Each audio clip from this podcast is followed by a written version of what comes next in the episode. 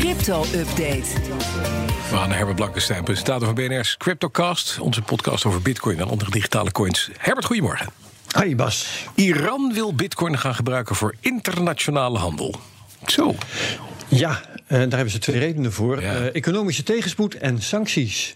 Er is gierende inflatie in Ja. Iran. En de munt, eh, de rial, die verpietert waar je bij staat. Nou, als je dan internationale transacties wil doen... dan heb je een munt nodig die een beetje waardevast is. En normaal gesproken is dat de dollar...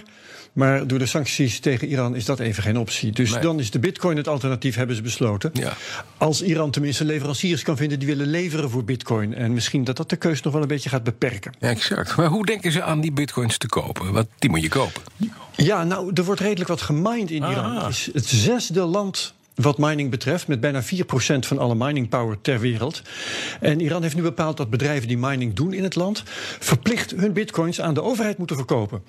En de volgende vraag is dan of het echt gaat lukken om zo die sancties te omzeilen. Want ik zie de westerse landen die betalingen nog wel opsporen op de blockchain.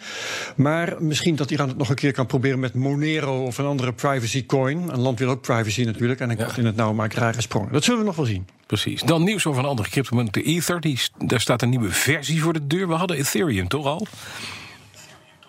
Ja, nou, dat is het, eh, eigenlijk hetzelfde. Ja, Ether precies, is de munt en Ethereum is het netwerk, het Ja. protocol, weet ik het. Maar eh, Ethereum 2.0 komt er dus aan.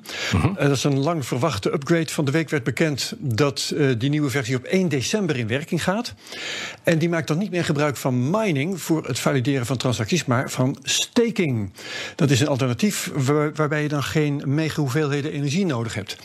Ethereum wordt eh, dan ook beter schaalbaar en dat zorgt ervoor dat transacties niet onnodig duur en traag worden als het heel druk is op het netwerk.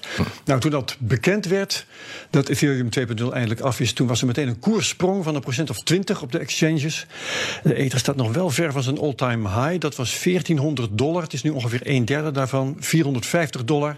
En ter vergelijking, de Bitcoin staat op drie kwart van zijn all-time high Kijk op dit moment. Dan, Adam Curry heeft een nieuw verdienmodel gevonden voor podcasting. En dat heeft hij gebaseerd op bitcoin. Hoe, hoe kan dat? Ja, goed hè. Dat is- Ja. ja. nou, let op. Ehm, hij was ooit eh, eh, MTV-DJ, Ja. podcasting mee uitgevonden. Dit even voor het perspectief. Eh, hij schreef een van de eerste podcasting-apps. Maakte zelf een van de eerste podcasts, de Daily Source Code. En wat leuk is om te vertellen, in 2011, toen die Daily Source Code al was gestopt... heeft hij een keer beloofd dat hij toch nog een nieuwe aflevering zou maken... als zijn fans hem met z'n allen 100 bitcoin zouden sturen. En de bitcoin die was toen een paar dollar waard, misschien een tientje. Maar het lukte en bitcoin heeft, sorry, Curry heeft die 100 bitcoin eh, helaas voor hem niet bewaard. Het zou nu anderhalf miljoen dollar zijn. Hij heeft er, een, heeft waarschijnlijk een pizza voor gekocht destijds. Zoveel. dat denk ik ook, ja. Ja, dat zit er. Maar dan het verdienmodel, hoe ziet dat dan? Ja, ja, ja, ja. Nou, eh, hij heeft een podcasting-app eh, bedacht... waarmee luisteraars aan podcastmakers een bedrag kunnen geven...